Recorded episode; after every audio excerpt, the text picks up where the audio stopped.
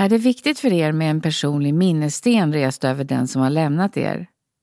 Vi samarbetar med Durus som är en av Sveriges största leverantörer av gravstenar. Edurus erbjuder kostnadsfri rådgivning och är bara ett samtal bort när ni har frågor eller behöver hjälp. Ring 08-673 50 00 eller besök edurus.se.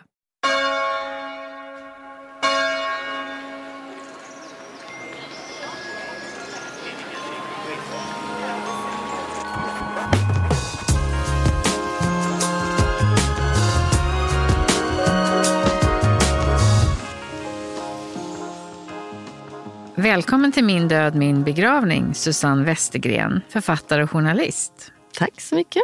Kul att få komma hit. Du är så välkommen. Du har rest ända från Göteborg hit.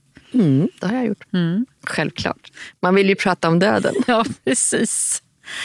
Berätta gärna. Du har ju både skrivit en bok och du har gjort tv-program mm. om begravningen, döden, livet och arv. Ja, alltså det hela började med att mina föräldrar gick bort. Och som enda barn så tänkte jag, men vad skulle jag göra liksom, med alla sakerna? De hade bott 50 år i samma hus.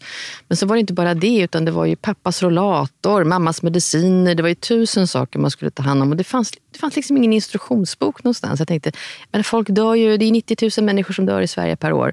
Vad gör de? Så, det fanns ingenting alls. Men jag liksom hankade mig fram och jag lyckades sådär vad jag skulle göra. Och sen dog min faster och farbror bara några år senare. Då var jag där igen. Jag och mina två kusiner som inte bodde i samma stad. Så då fick vi rodda igen. Och då tänkte jag, nej alltså. Som journalist så kände jag att jag måste göra någonting. Så då började jag intervjua folk och så blev det den här handboken som jag skrev då, som mm. kom ut 2017. Som heter Konsten att ta hand om ett dödsbo. Ska se, underrubriken är då eh, Spara, sälja, slänga, gråta. För det är lite det det handlar om. Ja. Vad ska jag spara? Vad ska jag sälja? Var säljer jag det någonstans? Vad ska jag slänga? Kan man slänga saker? Kan jag slänga mammas gamla tröja som är noppig hål i? Och, och, får jag, hinner jag gråta? Liksom? Vad gör jag i allt det här? För det är, allt ska göras så himla snabbt. Mm. Ska du, du en hyresrätt så kanske du måste stå ut på en månad. Har du ett hus så kanske du har råd att ha kvar det lite längre. Men i alla fall så då blev det den här boken. Ja. Visste du från början vilka ämnen, hur, hur liksom bred eller nischad den skulle bli? Jo, men jag gjorde, när jag hade tanken om boken så gjorde jag liksom en innehållsförteckning mm. eh, på saker jag själv hade funderat kring. Och så presenterade jag den innehållsförteckningen till, till ett förlag som, som, som faktiskt nappade på den. Och eh, sen gjorde jag ju boken mycket tillsammans med redaktören på förlaget. Jag fick, eftersom jag inte skrivit bok förut, utan bara journalistiska artiklar och så, så var det ett nytt hantverk som jag fick lära mig. Men och så var det bra att ha andra människor med lite utifrån perspektiv. Så, ja, men det här saknar det här har du inte tagit upp. Eller det här blir det för mycket av och sådär. Så det var, det, jag lärde mig jättemycket. Och samtidigt som jag kom ut med min bok så gjorde faktiskt eh, Försäkringskassan, Pensionsmyndigheten och Skatteverket en portal som heter Efterlevandeguiden. Så de hade jag ganska mycket med att göra också. Vi lärde känna varandra. Sådär. Och det var ju precis det jag hade saknat då. Så min bok kompletterar väl det och de uppdaterar hela tiden sin. Så de vill jag verkligen pusha för som ett bra stöd när någon går bort. Och mm. även inför att någon går bort. Lite tips inför. Fanns det några andra böcker som du kunde läsa innan eller var det här nytt på marknaden? Då? Det, var, det var helt nytt. Det fanns en som hette Begravningsboken som jag tittade en del. Så finns det ju mycket böcker om sorg förstås. Mm. Sorgbearbetning, jättemycket. Det finns även webbsidor och sådär. Men det fanns ju ingen handbok i som handlar om allt. Ifrån bankärenden till... Ja, du kan, det vet ju du, vad jag förstår, själv ja. har haft anhöriga som gått bort och du vet ju hur mycket det är. Och att man ska göra det mitt i sorgens när man är, sörjer som mest. Man kan ju även sörja en människa som man hatar som har gått bort. Så det handlar ju om någon slags resa, inre resa man gör själv. Mm. Men då är det skönt att ha en bok eller en webbportal som man kan gå till. Mm. Mm. Så det var mycket hantverket kring vad man ska göra, så mycket, mycket juridik. Det tycker jag nästan var det svåraste. Alltså, det juridiska. Nu hade jag ju ingen som jag skulle dela dödsborna med på det sättet. Utan, ja, mina kusiner då, men, men det var väldigt enkelt så. Men och sen började folk prata efter boken, när boken kom ut. Alltså, folk bara pratade, de ringde och de berättade på varenda middag man var. Eller man stötte på någon om man, du vet, på tåget och man satt eh, mellan Stockholm och Göteborg. Ah, jag började med det och när min faster dog, när min... Du vet så. Det var helt fantastiskt vad folk vill dela med sig av det här. Och det är så mycket sorg. Och det var i den vevan som jag började tänka, mm, kanske man skulle kunna göra tv-program om det här. Det borde ju kunna ändå göra sig i tv. Och det har du ju gjort. Fa tre fantastiska program tycker jag. Berätta lite hur arbetet inför dem var. För igen, vad skulle det handla om och liksom, hur mycket kunde du få in i det här? Precis, för det, det skulle inte vara en liksom fortsättning på min bok, utan jag tänkte att man måste kunna göra på ett annat sätt. Och då tänkte jag just på alla berättelser som folk hade kommit med. Så eh, då pitchade jag in min programidé till SVT och de nappade faktiskt. De hade inte gjort så mycket om döden innan. Och sen så gjorde vi ju programmet tillsammans med producenten. Jag och producenten så att säga, utvecklade programidén, vad vi skulle göra och så där under loppets gång. Men, men eh, mycket startade ju med att jag gjorde en sån här liten propå som gick ut på tv där vi sökte folk och tänkte men kommer det verkligen höra av sig någon? Ja, men det kommer, så jag lovar, jag lovar. Och det var hur mycket folk som helst som mejlade in till oss. Och så började arbetet med att, vilka ska vi ha med? Liksom, vilka berättelser känns... De ska vara spännande men ändå allmänmänskliga på något sätt. Och det ska ändå vara personer som klarar av att vara med i tv. Det är inte helt enkelt om man inte har varit med i tv förut, att mm. kunna dela med sig av sig själv. Som det ger någon annan någonting. Och sen det som, som var svårt och som vi till slut ändå lyckades med, det är att om det är en konflikt, för det är ju så att i tv är så spännande att ta upp konflikter, men allt handlar inte om konflikter. Men det, det, är intressant. Men det är att båda parter i en konflikt måste på något sätt kunna komma till tals. Och kan de inte göra det kan man inte filma det. Det blir liksom inte, så går det ju inte att göra. Ja, för serien heter Allt går i arv och då mm. in, betyder det ju flera saker förstår jag. Ja, det är ju pengarna, prylarna och traditionerna, ja. så att säga. Och när människor går bort så, och det här man hamnar i, i en konflikt, vilket många gör när det handlar om pengar framförallt. Men det behöver inte bara pengar, det kan också vara kärlek, liksom, föräldrarnas kärlek. Vem älskade mamma och pappa mest? Liksom? Och då kan det här vara sista striden i dödsboet, även om det inte är värt så mycket saker. Att man behöver bara få känna att man kan äga liksom, sin egen historia och inte behöver dela den med sina syskon längre. Då vill man ha rätt på olika sätt. Och så kan man tyvärr då både förlora sina föräldrar kanske och, och sina syskon på kuppen. Mm. Och det var ju lite det som delvis kom fram kanske i programmet också. Det här med att fördela arvet rättvist medan man lever och vilka problem kan man hamna i där. En av våra cases hamnar ju i det. Mm. Uh, och så. Hur stort är det här? Hur många är det som har arvstvister? Jättemånga. Nu har jag inga bra eh, siffror. Nej, men... Men, men jag vet att alltså, om man inte kan lösa en, en arvstvist så att säga, tillsammans med en advokat så kan man ju be att få hjälp av tingsrätten så att säga, för att få en eh, dödsboutredare och, och en tvistutredare som reder ut det hela. Det heter inte exakt så, jag hittade inte ordet, men, men eh, som hjälper till då för att fördela arvet. Men det finns faktiskt ingen lag som säger att du måste ha fördelat arvet inom fem år, tio år. Utan vi, hittade, vi mötte människor som fortfarande inte hade fördelat arvet mellan sina föräldrar på tio år. För att de kommer inte överens. Och så länge man inte kommer överens, trots att man då får hjälp från tingsrätten, så, så kan man inte dela. Jo, man kan göra ett tvångsskifte. Det kan man göra, men alla vill inte det. Och det finns inget i lagen som säger något datum. Så många av de där som hörde av sig till er eller till SVT då, var det kring konflikter? Det var mycket konflikter. Dels var det, och sen hade vi ju Marie och hennes man, där hon hade överlevt sig själv med sex år och som ville berätta sin berättelse, hur man lever i, vad ska man säga, i skuggan av döden och ändå hittar ett värde i livet och hur hon eh, faktiskt hade döstädat eh, och kände sig ganska nöjd med det för att hon har inte så mycket kvar att göra den dagen hon dör. Och kan, har kunnat ge sina barn ett ekonomiskt stöd medan hon lever. Så det var lite olika saker vi ville spegla. Så dels var det Marie och så ville vi även spegla en konflikt som är när faktiskt föräldrarna fortfarande lever, vilket den handlar om. Och sen det andra stora eh, handlar ju om det där mer klassiska pappa och mamma går bort på ålderns höst. Liksom. Vad gör vi syskon och hur delar vi upp det? Och, och så där. Hur är vi rättvisa med varandra? Mm. Och, så. och så även så vi har kvinna vars eh, man går bort också då med särkullbarn. Det var jättemånga som hörde av sig med särkullbarn. Mm, faktiskt, för det är ett stort problem och det, blir, det bara växer ju. Och där är det många som inte kanske får rätt eller skaffar sig rätt eh, testamente vilket var i tv-programmet. Mm. Att de hade trott att de hade rätt testamente, så var det inte så. Nej, de hade inte fått rätt vägledning. Nej. Så det blev liksom inte så som det skulle bli.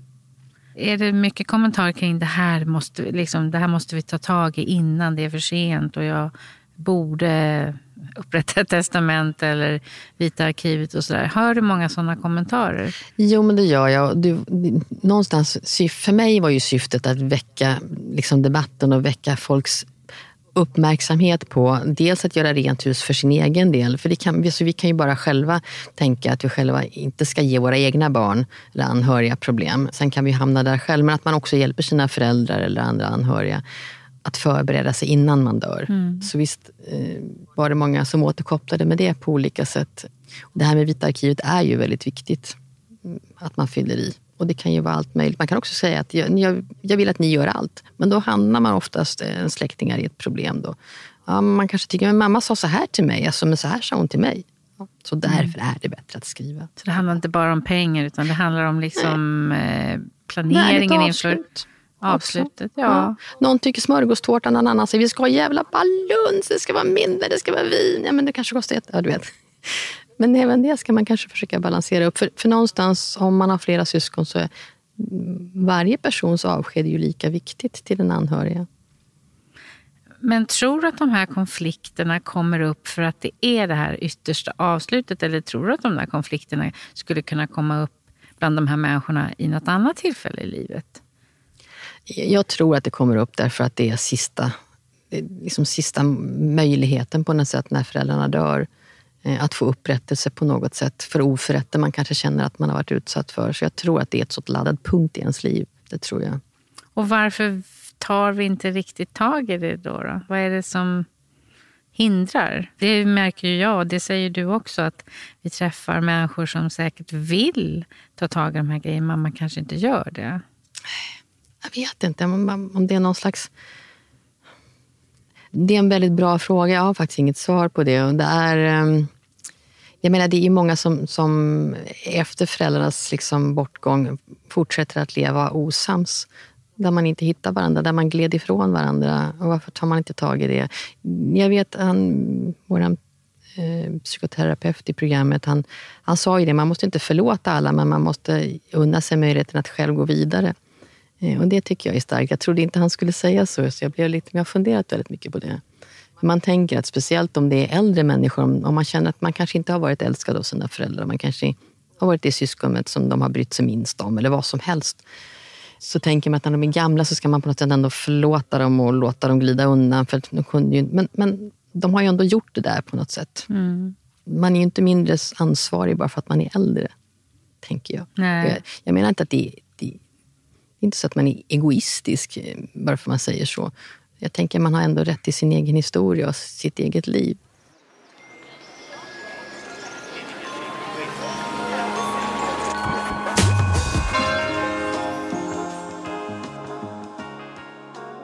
I programmet har ni ju en, en eh, jurist och en psykoterapeut ja.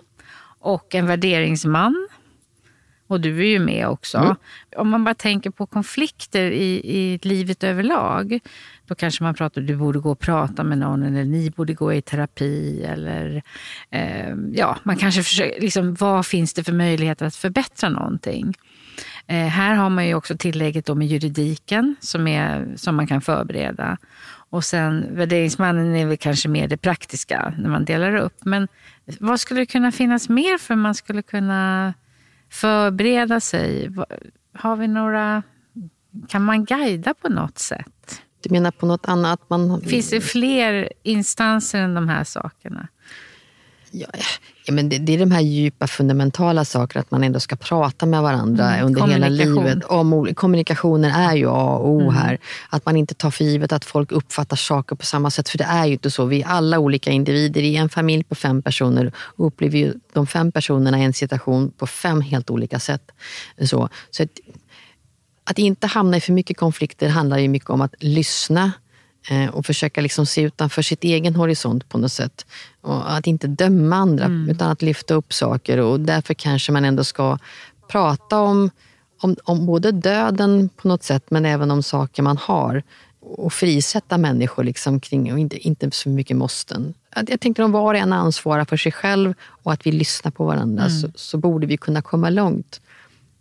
Men alla är inte kapabla till att göra det riktigt. Jag vet inte riktigt hur man ska nå det. Nej, för om inte mm. alla tar hjälp för att liksom komma vidare i sitt liv utan en sån här så varför gör vi det där? Mm. så att mm. säga? Eller varför ska vi förvänta oss att vi ska klara av en sån här sak? Precis, när vi hamnar i en svår livskris kanske som ja. det är för många. Ja.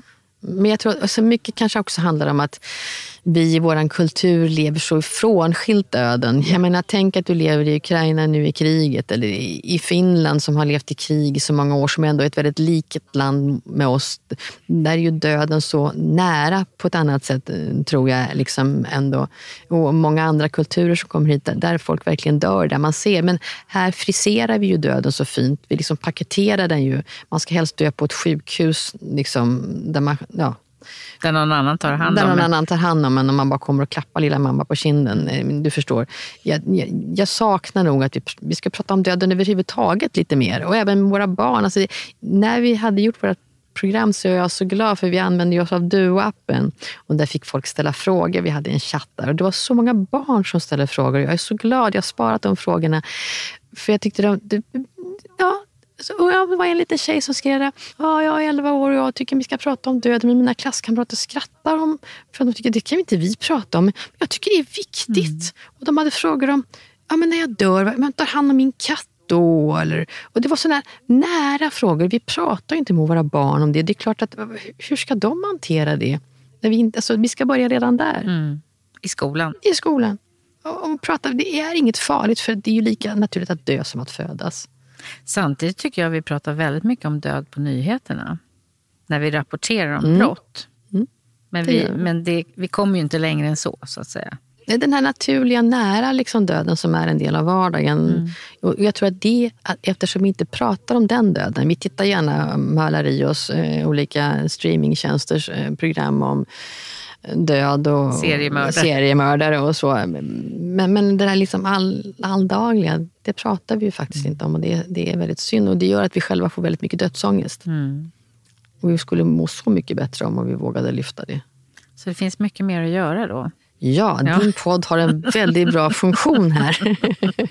Du kan ju bjuda in så mycket spännande människor som liksom kan hjälpa förlösa oss. Öppna upp lite. Ja. Exakt. Men vad är din erfarenhet av begravningar och så i tidigare i livet? In, eller liksom innan dina föräldrar gick ja, bort? Jag har en, en, bakgrund inom vården med en vårdutbildning så att jag har jobbat många år på akutmottagning. Eh, och på det sättet så kom jag har ju kommit väldigt nära döden. Jag har ju suttit med människor som har dött liksom, och tagit hand om döda människor massor genom åren.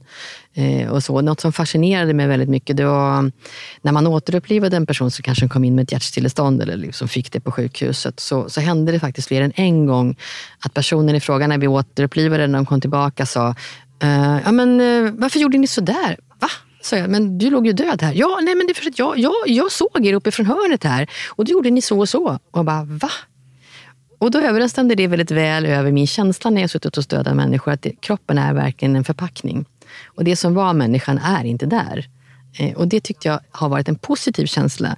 Eh, jag tror alltså inte att vi bara dör och att det inte blir någonting mer. Jag tror att, att vår själ på något sätt är en del antingen av ett jättesjäl eller på något sätt, eh, jag vet inte vad själavandring, men jag tror att det är en existens som inte förstörs, försvinner helt och hållet. Jag tror mm. verkligen inte det. Jag menar, ibland kan man ju bara titta på en liten hund och så ser man att man får någon slags själslig kontakt.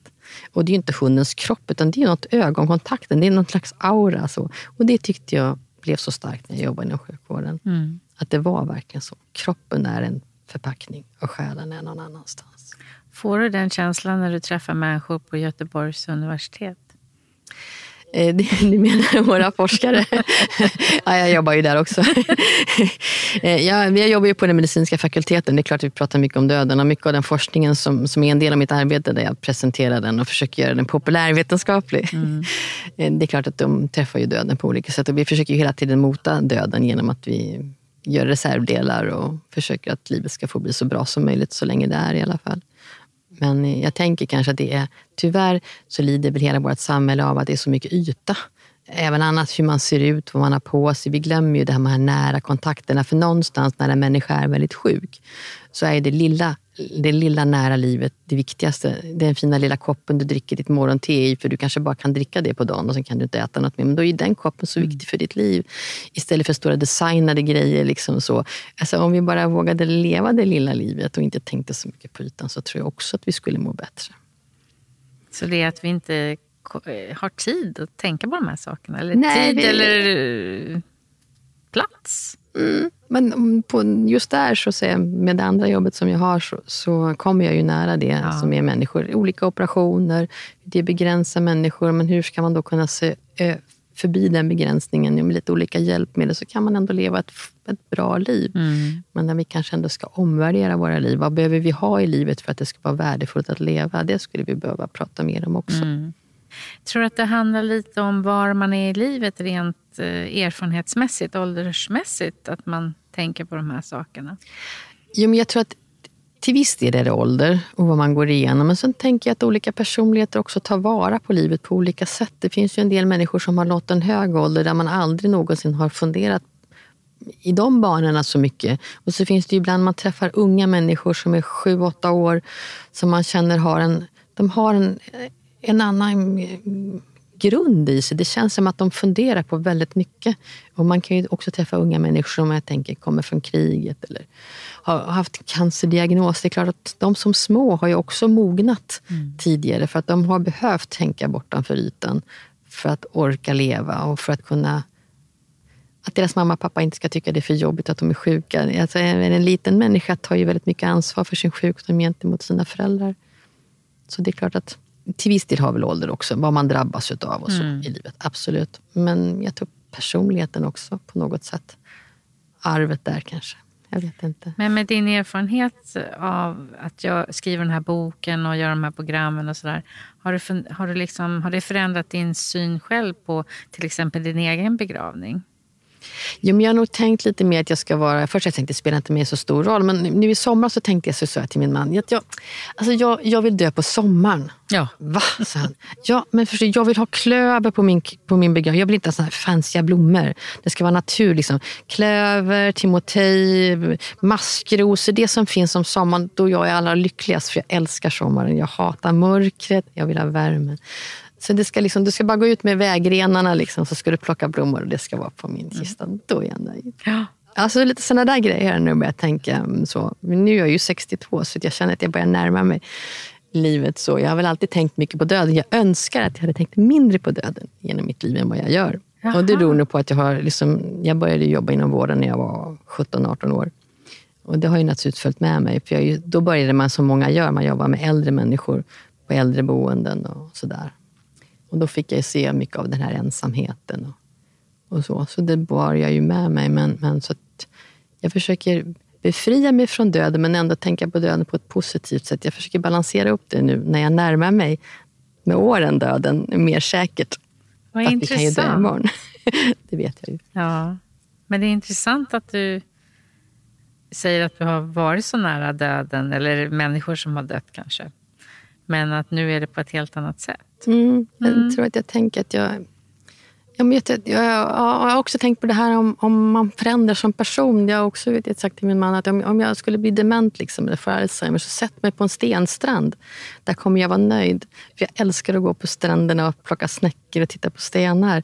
Jag menar, man kan liksom ge varandra lite sådana hintar om om jag blir förändrad och inte den du känner mig idag. Vad skulle jag må bra av då? Alltså, sådana där grejer kan man ju pusha. Liksom. Mm. så. Och, och, då, och då kan man känna att ja, men om jag hamnar där, då vet han ju. Eller, och så kan man ju naturligtvis skriva ner det, för att han kan ju dö före mig. Så det är bra med Vita arkivet eller de här andra typerna av livsarkiv som mm. finns. Så absolut, och de kan man ju göra digitala. Man måste ju inte gå och hämta dem på begravningsbyrån. Men vems ansvar är det nu att informera om alla de här sakerna? Vad har du för tankar där? Jag menar, jag menar du, du gör ju saker för att du vill hjälpa. Mm. Känner jag. Mm. Att det är liksom, du vill informera, att fler ska förstå. Kanske någon annan ska ha mer information än vad du hade när dina föräldrar gick bort. Och mm. Samma sak med tv-programmen, att liksom öppna upp. Och... Men det är ju frågan om det, om det är många små som håller på att prata om de här sakerna eller om det... Alltså jag någon gång funderat på att man skulle göra en sån här nationellt kompetenscentrum som handlar om döden. Liksom. Ja. Dit kunde man gå för att liksom, få hjälp. Där samlar man liksom allting. Liksom en slags liten myndighetsdel. Då. De samlar allt. För jag känner att här sitter olika begravningssamfund på olika sätt och jobbar helt åt olika håll. Det finns en viss konkurrens förstås för att det handlar om pengar. Begravningar är ju dyra. Men så sitter det folk som har kunskap om, om ångesthantering. Det finns folk som har kunskap om aktioner. Alltså, kring allt i juridik. Alltså, varför inte samla det i ett nationellt kompetenscentrum mm. som handlar om, om, om de här livs och dödsfrågorna. Det hade varit en fantastisk grej att göra. Det kan vi lobba för. Ja, det kan vi lobba för. Politiker som lyssnar på det här programmet. så, det tror jag skulle hjälpa. Då vet man att jag menar, efterlevandeguiden är bra på det sättet. För där finns det, tyvärr så vi, alla har ju inte koll på det. Nej. Men jag hoppas att de får mer reklam. Men man skulle kunna vidga det mycket mer. Tänk, då vet jag, men, okej, någon dör. Då, då vänder jag mig dit och det heter så, nationell kompetens för, för vad det nu skulle kunna vara. Mm. Och då vet alla. Och, och, och, och det är ju det att ett sånt kompetenscentrum är ju levande. Ju mer information de får, desto bättre blir de. Alltså det blir bara bättre och mm. bättre. Så det vore väl någonting. Ja, men har vi såna kunskapscentrum för andra saker? Det finns ju andra nationella kompetenscentrum ja. eh, kring olika saker. Det kan ju vara kring ovanliga diagnoser. Det finns, ja. ja. och så. Men, men inte kring när det gäller det. Utan här sitter begravningsbyråerna på mycket egen kunskap. Och, jurid, de, och en del begravningsbyråer har juridiska byråer kopplade till sig. Ja. Eh, en del har jobbat med sorghantering. Men det finns ju ingenting som samlar alltihop. Och då tänker jag att det är inte bara en kristen död. Vi har ju så mycket andra eh, samfund. Mm. Så allt det, vi kan ju dra så mycket nytta av att tänka på döden tillsammans. För alla dör ju på samma sätt. Det spelar liksom ingen roll om du vad du har för religiöst samfund eller om du inte tror alls. Mm. Din död är ju ändå din död. Så varför inte samla det liksom mm. och dra nytta av varandra?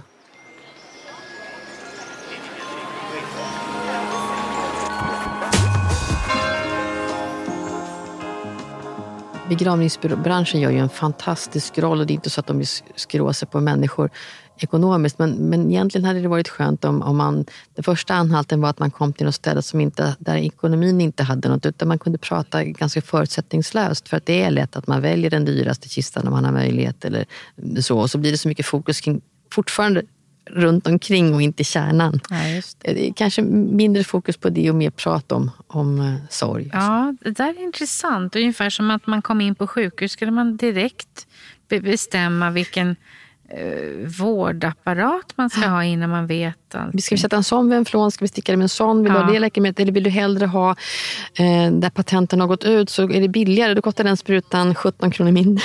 Tänk om det skulle vara så. Som det är i USA. Där får du, eller till exempel när du lämnar in hunden för en operation. Mm. Du betalar ju per nål, per stygn, per röntgen, allting. Tänk om det var så för oss. Vi lever i ett oförskämt bra samhälle i mm. Sverige. Mm. Där du aldrig behöver tänka på det. Det är väldigt bra tanke du har där när du kommer in ja. på sjukhuset. Ingen frågar dig. Nej. Du får den vård du behöver. Ja.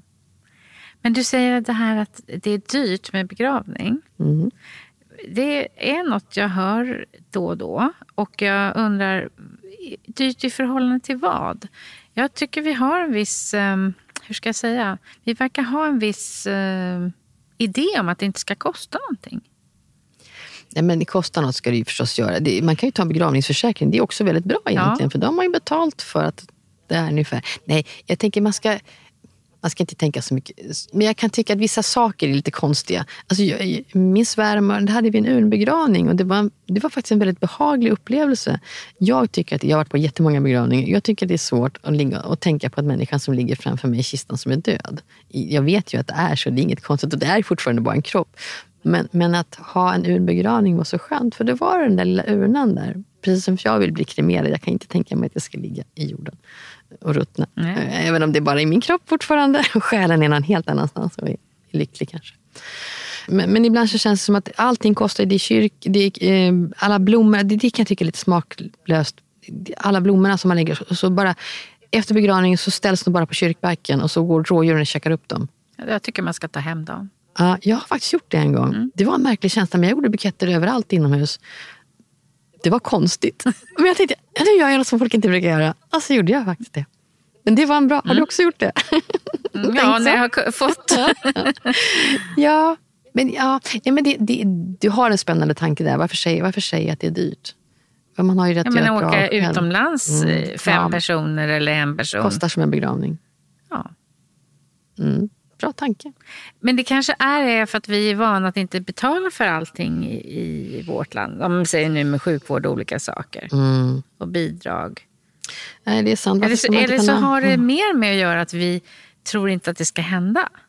Begravningen. Det är ingenting vi vill spara pengar till. Eller vi tror kanske in i det sista att vi inte behöver. Inte mm.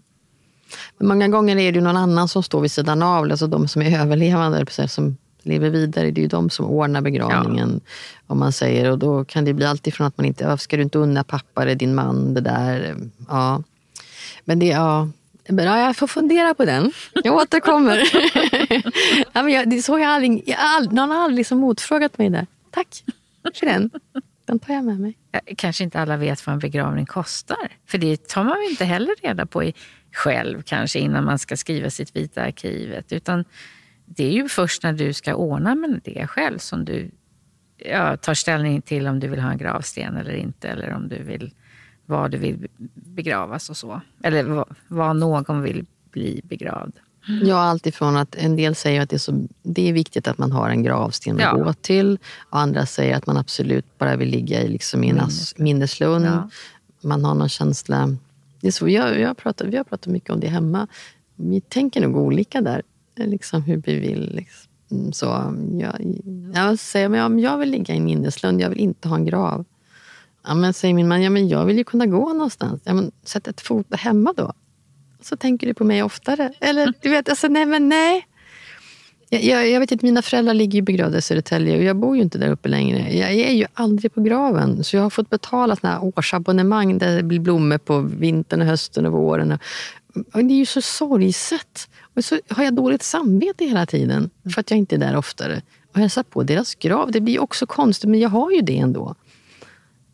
Det är också något att fundera på. Liksom. Hur tänker man där? Ja. Och det har inte mina, alltså mina föräldrar vill ju inte ligga där för att ge mig dåligt samvete. Nej, utan de vill ju bara ligga där för... Pappa skulle ligga där för mamma levde kvar och hon vill ju ha en grav att gå ja. till och sörja. Så att, det där dåliga samvetet vet jag inte, men det pratar ju en del om just när det gäller att, en plats. så. Mm. Mm.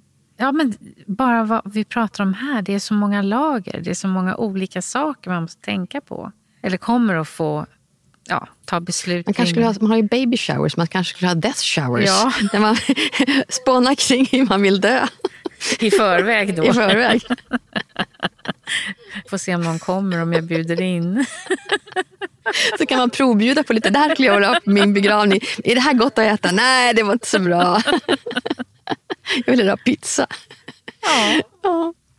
Man kan väl säga så här, bara man börjar fundera lite grann. Det är kanske är musiken som är det viktiga, det kanske är platsen som är det viktiga eller att man vill döstäda. Alltså det finns alltid någonting som man kan säkert börja fundera kring. Mm. Jo, och framförallt att starta samtalet. Liksom. Ja. Att vi inte ska vara rädda för att fråga varandra heller om det här. Om någon blir sjuk, liksom, varför inte fråga om man har en kusin som är kanske i ens egen ålder som blir sjuk. Liksom, att man kanske ändå ska ta tillfället i akt och inte... Nej, prata inte så. Hur har du tänkt kring din begravning? Ja, man kanske vet att man kanske ska dö inom en viss tid. Att man bjussar lite på det. Mm. är lite obekväm. För att jag tror ändå att... Man kan i alla fall försöka några gånger. Ja, man kanske blir väldigt välkomnad eller så får man ett nej. Mm, och då mm. är det ju det, men i alla fall att någon har försökt.